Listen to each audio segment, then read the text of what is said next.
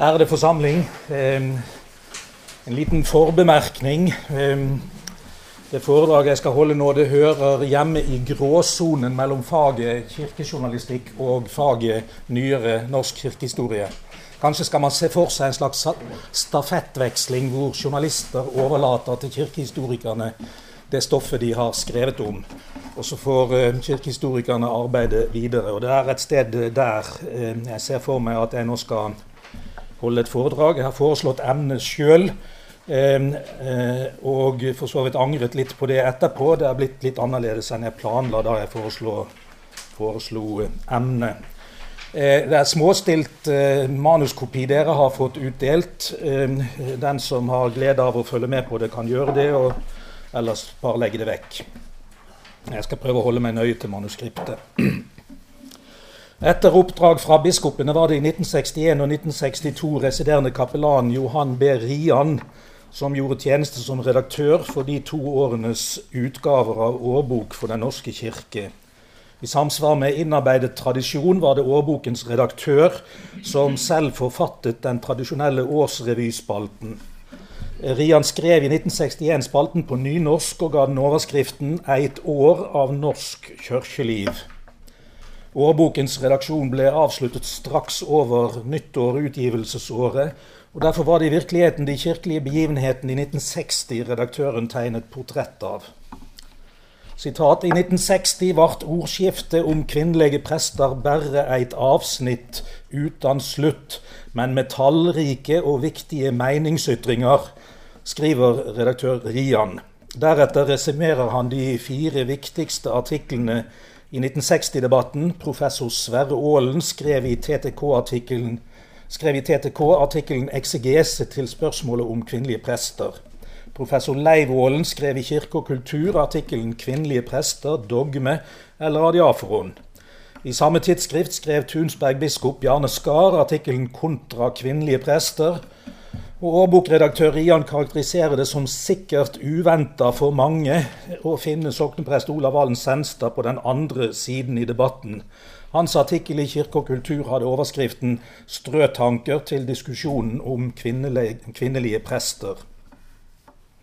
Etter et lite resymé av hver artikkel avslutter Rian avsnittet om kvinneprestdebatten i 1960 slik som nevnt var det ennå ingen kvinner som fikk ordinasjonsløyve i 1960, men det var allment kjent at en søknad var på trappene. Den søknaden som var på trappene, kom fra Ingrid Bjerkås. Pål Repstad skriver på side 395 i den store Schjelderup-biografien 'Mannen som ville åpne kirken' at Ingrid Bjerkås i 1961 var en 60 år gammel dame, gift med en pensjonist, og på mange måter en outsider i det kvinnelige teologmiljøet. Hun henvendte seg til Hamar biskop Christian Schjelderup etter praktikumseksamen sommeren 1960. Ifølge Repstad var biskopen imøtekommende, men også noe prøvende i sin første reaksjon. Sitat, jeg respekterer fullt ut at de følger kallet. Da spiller alder og eksamensresultat mindre rolle og jeg vil gjerne hjelpe dem så godt jeg kan. Den 3. mars 1961 sendte biskopen ut en pressemelding om at han ville ordinere fru Bjerkås til vikarprest i Hamar bispedømme. Ordinasjonen fant sted i Vang kirke den 19. mars 1961. Men kort etter ordinasjonen ble Ingrid Bjerkås i stedet utnevnt til sogneprest i prestegjeldet Berg og Torsken på vestkysten av Senja. Seks av ni biskoper, Johannes Memo, Bjarne Skar, Ragnvald Indrebø, Kåre Støylen, Hans Edvard Wisløff og Fridtjof Birkeli sendte ut en skarp protesterklæring mot Norges første kvinneprestordinasjon. Sitat, Vi finner det umulig å forene kvinnelig prestetjeneste med Det nye testamentets grunnholdning og med dets direkte utsagn. NT avviser kvinnens adgang til hyrde- og læreembetet, og begrunner dette prinsipielt med å henvise både til Guds skaperordning og til Herrens eget bud. Dermed kjenner vi oss bundet av det Guds ord som vi i all vår tjeneste har forpliktet oss på. I tillegg til bibelargumentet anførte bispeflertallet Kirkens samlede læretradisjon like inn i det 20. århundre og det økumenisk felleskirkelige argumentet. Dessuten påpekte man at kvinneprestreformen egentlig er fremmet ut fra andre hensyn enn de kirkelige. De seks biskopene varslet ordinasjonsnekt og kollasnekt som markering av sitt syn.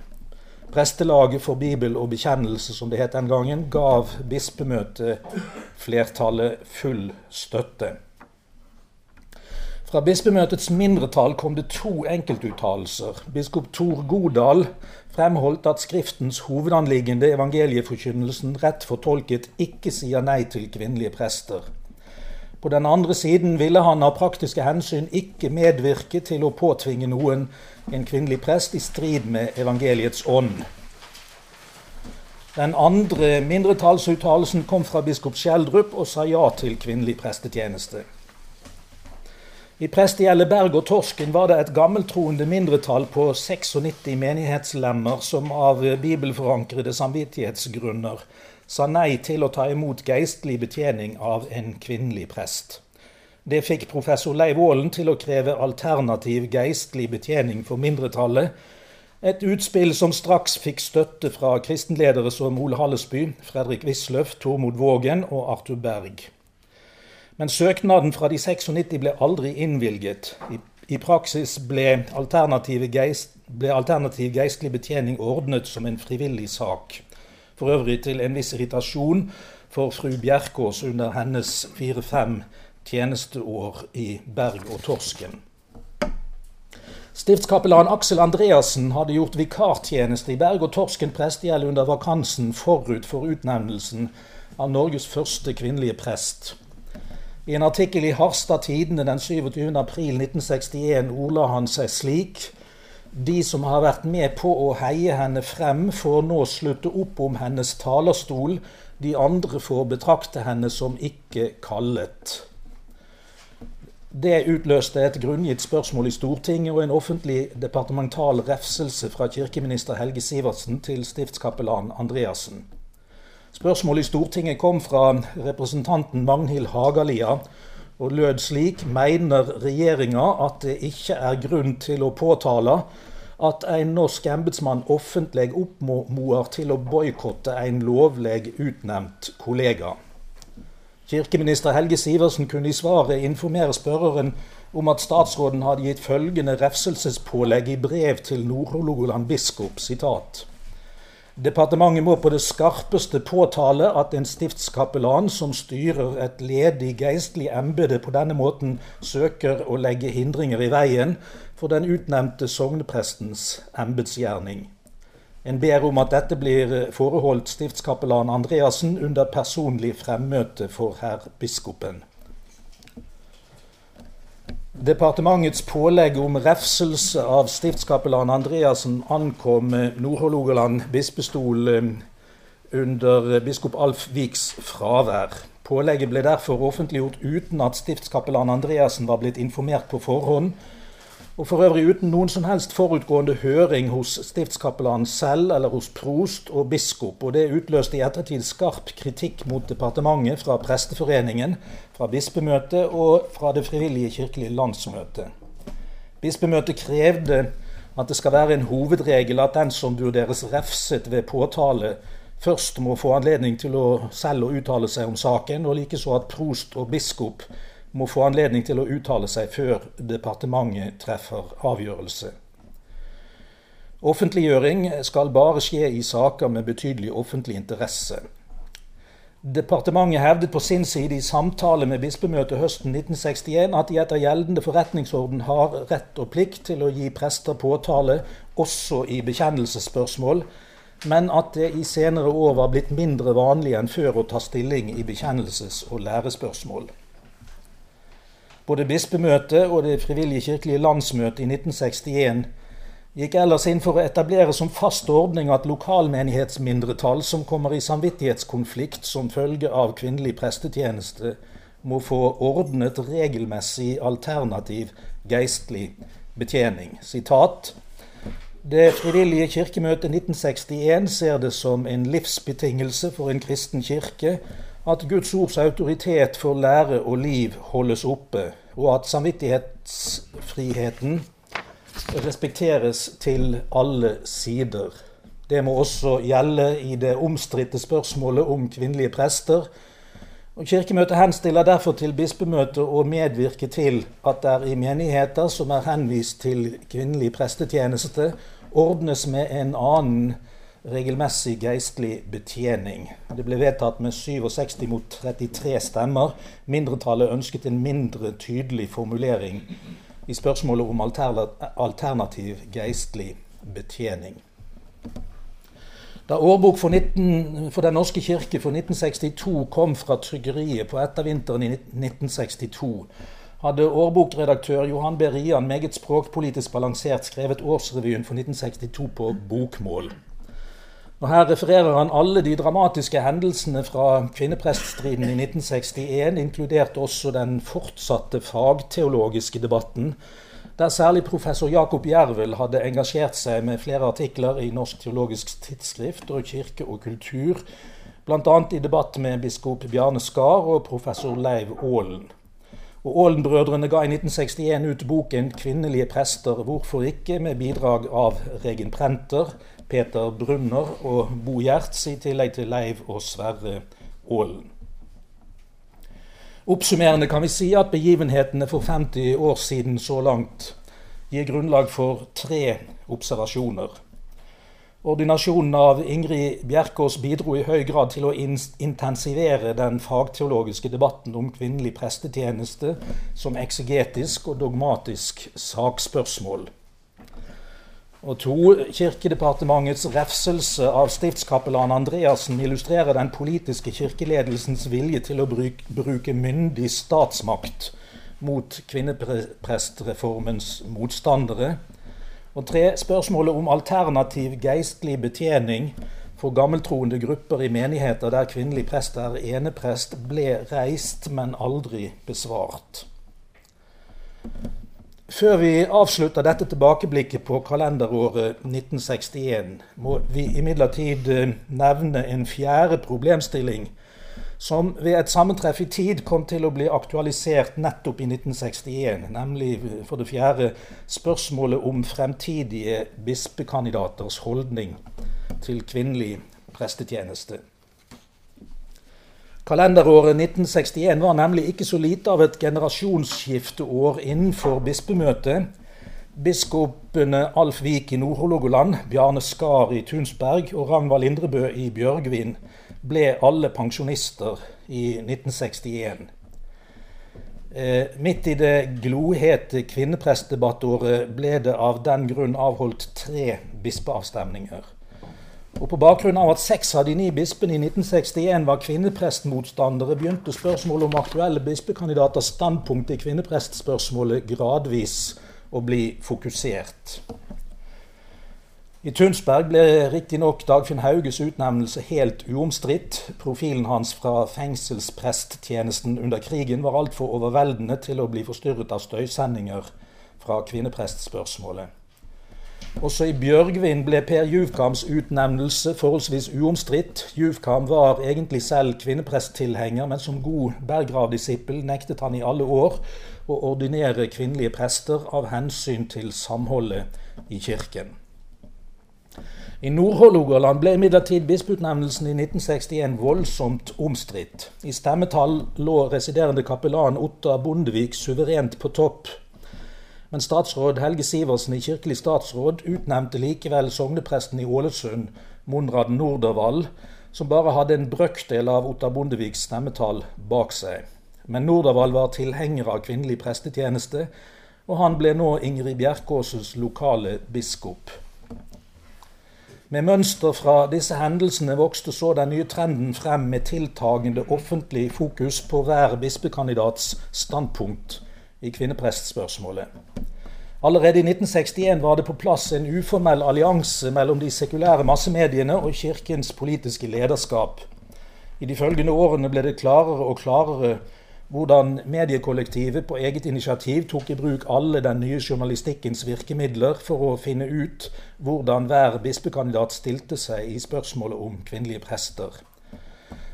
Og deretter skimtet nok de fleste hvordan man på politisk hold under mang en bispeutnevnelse stilltiende la avgjørende vekt på å sikre at kvinneprestmotstanderne i bispekollegiet i løpet av et par-tre årtier med nyrekruttering skulle bli erstattet av bare kvinnepresttilhengere. De individuelle geistlige snuoperasjonene i kvinneprestspørsmålet kom på mange måter som et resultat av dette kombinerte politiske presset og mediepresset. Den ene aktuelle bispekandidaten etter den andre måtte innse at ja til kvinnelig prestetjeneste var i ferd med å bli eneste mulige dør inn til en bispestol. For noen bispekandidater innebar det at de erklærte seg som uaktuelle fordi de ikke ville betale for et høyt kirkelig embete med å skifte standpunkt. Andre valgte derimot snuoperasjonens vei, enten i form av enkle erklæringer eller i form av mer teologisk krevende strev med tekstene. Jeg har da som prest og kirkejournalistikk i det meste av denne perioden kunnet følge en del slike snuoperasjoner. Jeg kan ikke gjøre krav på å ha fullt overblikk, men noen individuelle snuoperasjoner ble mer spektakulære enn andre, og dermed også mer åpne for innsyn fra utsiden. Og Jeg velger da i fortsettelsen å feste oppmerksomheten ved to slike snuoperasjoner. Begge har kvaliteter i seg til å speile samtidens kirkelige klima og atmosfære. Jeg begynner da med Even Fogner. Even Fogner gikk for aldersgrensen som biskop i Borg i 1998 og døde fire år senere, i 2002. Fra han ble kanteol i 1957 og frem til året 1978 arbeidet han dels som studentprest i laget, og dels som seminarleder og rektor ved Indremisjonsselskapets bibelskole. I disse årene var Fogner motstander av kvinnelig prestetjeneste. Men da han i 1990 ble utnevnt til biskop i Borg, hadde han skiftet syn og var blitt tilhenger. Even Fogners snuoperasjon i kvinneprestspørsmålet husker jeg som ualminnelig spektakulær. Bl.a. fordi den foregikk i maksimal offentlighet og over en periode på flere år. Jeg var selv innblandet i den, dels i form av avisdebatter med Fogner, og dels i form av brevvekslinger. Og jeg tror samtidig ikke at jeg var gjenstand for noen slags særbehandling fra Fogners side. Tvert imot tror jeg han hadde ambisjon om å gjennomdrøfte hver eneste tenkelige delproblemstilling som måtte melde seg, og gi svar med saklig argumentasjon, slik han så det, til alle som ytret seg, og til alle argumenter som måtte bli anført. Som rektor ved Bibelskolen i Staffels gate var Fogner frem til 1978 også redaktør og lederskribent i For fattig og rik. Det aller første signalet om en kommende snuoperasjon mener jeg han ga i den aller siste lederartikkelen han skrev før han sluttet som organisasjonsprest og ble menighetsprest i Vestre Aker. Lederartikkelen hadde overskriften 'Det er ingen skam å snu'. Året etter, i 1979, brøt ut en ny deldebatt i debatten om Menighetsfakultetets institusjonelle snuoperasjon i kvinneprestsaken. MFs snuoperasjon var som kjent egentlig skjedd i 1972 i form av en flertallsuttalelse og en mindretallsuttalelse fra Lærerrådet. Men i første omgang het det fra forstanderskap og styre at MF ikke hadde skiftet syn i selve kvinneprestsaken. Og MFs styre fikk seg da i 1979 forelagt et forslag om å overflytte professor Ivar Asheim fra stillingen som professor i religionspedagogikk til en stilling som professor i systematisk teologi med ansvar for faget etikk. Men flertallet på tre i MFs styre, ledet av FBBs formann Einar Soli, sa nei og begrunnet det med at Asheim i debatten om rektor Otto Hauglins lojalitetsforpliktelse på Diakonhjemmet hadde skrevet under på et opprop mot meningstvang i kirken. Mindretallet på to, ledet av Even Fogner, anket styrets flertallsavgjørelse inn for forstanderskapet, som deretter med 15 mot 6 stemmer omgjorde vedtaket, og altså godkjente at Asheim ble professor i systematisk teologi med, med etikk som som eh, særlig ansvar. I spalten Kirkelig spektrum i Vårt Land 23.10.1979 forsvarte Fogner seg mot den kritikken som vokste frem i denne saken. Og Her kunne man fornemme ett av de mange små skrittene i Fogners omfattende snuoperasjon. For Fogner betonte her et såkalt inkonsekvensargument. Hallesby hadde i 1938 kjempet imot å lovfeste adgang for, for kvinner til å bli prester i kirken, men samtidig hadde Hallesby uten innvendinger deltatt i ansettelsen av Indremisjonsselskapets første kvinnelige bibelskolelærer. I de følgende årene tok Fogner i stadig nye debattrunder stadig nye små skritt på snuoperasjonens vei. I brevdebatten som jeg for min del hadde med han rundt 1981, handlet det f.eks. om hvorvidt kvinneprestspørsmålet kunne regnes som et bekjennelsesspørsmål eller ikke. I andre debatter handlet det om hustavleformaningene til mann og hustru hos Paulus osv. osv. Det samlede inntrykket som slik vokste frem, var bildet av en dyktig og seriøs teolog som anstrengte seg til det ytterste for å undersøke hver krok og avkrok av det samlede debattfeltet, før han omsider etter flere år kunngjorde sitt nye standpunkt. I et eh, sikkert spøkefullt ment intervju sa han til slutt at det for en prest som hadde voksne døtre, etter hvert var blitt helt umulig å holde fast ved et nei til kvinnelig prestetjeneste. Jeg går så videre til mitt eksempel nummer to fra disse individuelle snuoperasjonenes historie. og Da velger jeg biskop Odd Bondeviks modell. Hans snuoperasjon er annerledes enn de fleste andres Bl.a. på den måten at Bondevik aldri offentliggjorde noe nytt standpunkt i debatten om kvinnelige prester i strategisk forkant av et bispekandidatur. Tvert imot var det først etter fem år på Møre bispestol at Odd Bondevik så sent som i 1996 gjorde det kjent at han ikke lenger var å regne som motstander av kvinnelig prestetjeneste. Odd Bondevik ble kanteol i 1965 og arbeidet som misjonsprest i Japan og som misjonssekretær i NMS Stavanger fra 1969 og til 1980. I 1980 ble Bondevik generalsekretær i NMS, og i 1991 ble han biskop på Møre bispestol i Molde etter Ole Nordhaug. Allerede i 1982 sendte Bondevik ut et rundskriv til alle kretsene i NMS om at de var å anse som fristilt i spørsmål om å samarbeide lokalt med kvinnelige prester. FBB hadde til sammenligning et par år i forveien sendt ut ni punkter der man gikk sterkt imot lokalt samarbeid med kvinnelige, kvinnelige prester. I 1986 ble Irene Venås Holte utnevnt til generalsekretær i Norges KF. Eh, i Norges Kristelige Ungdomsforbund, som nå heter Norges KFUK og KFUM. I reaksjon mot dette trakk jeg meg fra deltakelse ved de årlige Geilo-møtene. Jeg var på den tiden generalsekretær i Den indre sjømannsmisjon og hadde møterett på Geilo. Formann og generalsekretær i Det vestlandske indremisjonsforbund gjorde det samme som jeg. Og uteblivelsen vår førte over et par-tre år til at Geilo-møtene i den til da kjente formen ble lagt ned. Men som generalsekretær i NMS gjorde Odd Bondevik det i 1986 klart at han ville fortsette å delta på de årlige Geilo-møtene, selv om en av generalsekretærkollegene nå var en kvinnelig prest. I 1988 ledet Odd Bondevik sammen med hovedstyreformann Bjørn Bue arbeidet med Misjonsselskapets institusjonelle snuoperasjon i kvinneprestspørsmålet. Alle visste at Stavanger-biskop Bjørn Bue var kvinnepresttilhenger, og det gjorde atskillig inntrykk eh, at en kvinneprestmotstander som Odd Bondevik engasjerte seg så vidt massivt til støtte for et liberalt standpunkt i organisasjonen.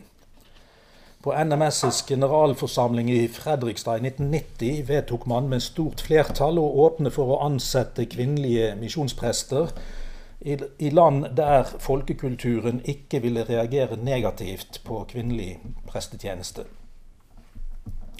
Da Odd Bondevik i 1996 offentliggjorde at han hadde skiftet standpunkt, kom det oppslag i Aftenposten og deretter i Dagen 13.8.1996 om at Bondevik hadde vært hemmelig kvinnepresttilhenger allerede da han i 1990 kjempet gjennom snuoperasjonen i NMS. Selv ville Odd Bondevik neppe ha ordlagt seg slik. Men i en tisiders redegjørelse fra 1996 gjør han det klart at han helt siden debatten rundt ordinasjonen av Ingrid Bjerkås i 1961, tidlig i Odd Bondeviks studietid, Så hadde han vært i tvil i det teologiske sakspørsmålet, og han hadde gjennomarbeidet de teologiske argumentene på nytt på slutten av 1980-tallet. Sitat. Omkring 1990 vurderte jeg alvorlig om jeg skulle eh, forlate mitt nei-standpunkt. Imidlertid ble jeg på den tiden kandidat ved bispevalg, og jeg, fant det da umulig av flere grunner eh, å skifte oppfatning midt i en slik prosess. Derfor holdt jeg på mitt nei men ble trass i dette utnevnt til biskop i Møre sommeren 1991. Dette står å lese da i et tisiders notat Bondevik forfattet, som het 'En orientering'. Det står på side to. Jeg skrev i 1996 en vurdering av biskop Bondeviks begrunnelse for standpunktskiftet i dette tisider lange dokumentet. Etter mitt syn var Bondeviks begrunnelse dels preget av embetsteologisk overstyring av teksteksegesen, og dels av en ganske påtagelig bruk av problematiseringsargumentasjon, særlig under behandlingen av 1. Tim 2.12. Um, en observasjon til må vi merke oss knyttet til Odd Bondeviks snuoperasjonsmodell. Da biskopene Håkon E. Andersen i Tunsberg og Tor Witt i Bjørgvin på slutten av 1980-tallet gikk for aldersgrensen og ble pensjonister, da skrev jeg nokså pessimistisk i en kommentarartikkel i Dagen at det heretter aldri mer ville dukke opp noen kvinneprestmotstander på en norsk bispestol. Og Likevel skjedde det altså en gang til. I 1991 ble faktisk Odd Bondevik utnevnt til biskop, trass i at han ikke hadde signalisert offentlig noen snuoperasjon. På den andre siden kan det pekes på en særegen gevinst i eh, kvinneprestreformens favør nettopp fra Bondeviks spesielle Eh, snuoperasjonsmodell. Nettopp ved å videreføre den offentlige profilen som kvinneprestmotstander skapte Odd Bondevik en uh, uvanlig vanskelig argumentasjonssituasjon for kvinneprestmotstanderne innenfor Misjonsselskapet. For all alvorstung argumentasjon knyttet til bruddet med Bibelens autoritet ble straks parert med at det er jo en ledende kvinneprestmotstander som selv går i bresjen for denne reformen. Jeg satt selv på pressebenken i Fredrikstad under generalforsamlingen i 1990 og fulgte nøye med på Bondeviks eh, argumentasjon og uttrykksmåte. Og jeg tillot meg der å tenke at denne kvinneprestmotstanderen nok egentlig innerst inne var en tilhenger. Og som vi altså har sett av sitatet fra Bondevik fem år senere, var det en helt korrekt observasjon. Til forskjell fra slike individuelle og personlige snuoperasjoner som vi nå har nevnt to eksempler på, var det den virkelig store og spektakulære snuoperasjonen i norsk kvinneprestdebatt de siste 50 årene en institusjonell snuoperasjon på Menighetsfakultetet. Kristin Norseth har levert en seriøs og presis studie av MFs snuoperasjon i artikkelen 'MF og kvinneprestspørsmålet' på side 239 til 272 i MFs 100-årsjubileumsskrift 'Mellom kirke og akademia', redigert av Bernt Tovil Oftestad. Og Jeg plukker et par-tre observasjoner fra Kristin Norseths studie. For det første gjør hun det klart at norsk kvinneprestdebatt blomstret frem fra 1880-årene av under press fra en, den fremvoksende kvinnebevegelsen, først den såkalte Landskvinnestemmerettsforeningen, og senere Norske kvinners nasjonalråd. Eh, politikerne sluttet seg snart til disse bevegelsenes krav om å åpne alle statens embeter for kvinner på lik linje med menn. I forlengelsen av dette mener jeg det må være rett å si at kvinneprestreformen også i denne for, første fasen, fra ja, vi kan datere den til mellom 1911 og 1938, ble fremmet som en tidlig form for statsfeminisme. For det andre dokumenterer Kristin Norseth med stor klarhet det som vi alle visste, vi som deltok i debatten på 1970-tallet, at Menighetsfakultetets snuoperasjon dypest sett var en følge av politiske krav knyttet til Menighetsfakultetets søknad om statsstøtte. Det står altså med rene ord i en odelstingsproposisjon knyttet til den søknaden. Eh, Odelstingsproposisjonens krav om en snuoperasjon fra MFs side dokumenterer, mener jeg, at det var en ny og intensivert form for politisk statsfeminisme MF sto overfor.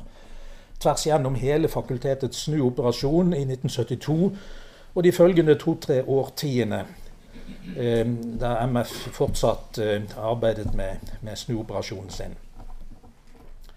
Statsfeminisme er ellers et begrep som vi kjenner best fra den delen av nyere norsk historie som handler om Gro Harlem Brundtlands epoke som fremadstormende politiker og etter hvert som statsminister fra Arbeiderpartiet. For Kirkens del er det viktig å ta på alvor at statsfeminismen ikke bare sto fadder til kvinneprestreformen, men også til fosterdrapslovene, partnerskapsloven og den nye ekteskapsloven. Ved siden av eh, Menighetsfakultetet skjedde det institusjonelle snuoperasjoner også innenfor en del av de frivillige kristelige organisasjonene. Vi har nevnt snuoperasjonene til Misjonsselskapet og Ungdomsforbundet. Beslektede prosesser er skjedd innenfor Indremisjonsselskapet, Sjømannsmisjonen og Frikirken. Misjonssambandet gjennomlevde på 1990-tallet store rystelser før man greide å nedkjempe snuoperasjonskravene fra talsmenn for det som i USA kalles for evangelikal feminisme. Som man nok hadde en avlegger av på den tiden innenfor Misjonssambandet. Det vestlandske Indremisjonsforbund avklarte standpunktet sitt med Klepperkomiteens innstilling 'Fri til tjeneste' allerede på 1980-tallet. Det, det skrevet feil. Det riktige er 1980-tallet. Og eh, Vestlandske Indremisjonsforbund havnet ikke i noen snuoperasjon. Idet vi da nå skal til å summere opp helhetsinntrykk av norsk kvinneprestdebatt etter 50 år med snuoperasjoner, tror jeg det er riktig å legge maksimal vekt på det som har med politisk press, statlig press, ideologisk press og mediepress å gjøre. Kirkens valgsituasjon i de forgangne 50 årene har i en sum handlet om både individuelle og institusjonelle valgsituasjoner, der alt det nevnte ytre presset kan plasseres i den ene vektskålen, mens Guds åpenbarte ord, bibeltekstene og den eksegetiske fagargumentasjonen i hovedsak hører til i den andre vektskålen. Og I denne konfrontasjonen er så tekstenes votum med årene blitt tillagt svakere og svakere tyngde og egenvekt. Det er derfor lett å bli pessimistisk etter 50 år med så mye vedvarende svekket bibeltroskap i Kirken. Det er ingen tvil om at situasjonen for Kristi bekjennelseskirke i Norge anno 2011 ser temmelig mørk ut. Jeg tillater meg likevel å slutte med en liten lignelse som jeg har eh, fra redaktør Arthur Berg. Eh, som liten gutt var han svært mørkeredd, men likevel måtte han nesten hver vinterkveld gå alene gjennom en bekmørk liten skog i Vestfold på veien hjem. Og fordi han var en stor og sterk liten gutt, så var det samtidig komplett utenkelig å innrømme for noen at han var mørkeredd. Og så gikk han likevel, alene og skjelvende i bekmørket, kveld etter kveld. Men på ett eneste sted i den lille skogen lå det et hus med en enslig lyspære på veggen utenfor, og når han kom så langt at dette lyset nådde han, da forduftet straks all angst for mørket. Jeg kunne ha kysset den velsignede lyspæren, sa han da han var voksen. Han sa det sikkert på nynorsk. Og Så føyde han til at det er når situasjonen er på det aller, aller mørkeste, vi kan gjøre oss håp om at selv enslige små lyspærer fra Guds ords lys kan få en aldeles overveldende lysvirkning. Jeg mener at situasjonen for norsk kvinneprestmotstand anno 2011 er både mørk og helsvart, men nettopp nå mener jeg tiden er inne til å vende tilbake til bibelteksten og kanskje utfordre en ny generasjon unge teologer til å studere alle de eksegetiske spørsmålene i saken på nytt. Og Da tror jeg det skal vise seg å være sant det som biskop Bjarne Skar skrev i 1960. Så lenge Bibelen lyder slik som den lyder, vil det aldri kunne bli ro omkring kvinneprestreformen. Takk for oppmerksomheten.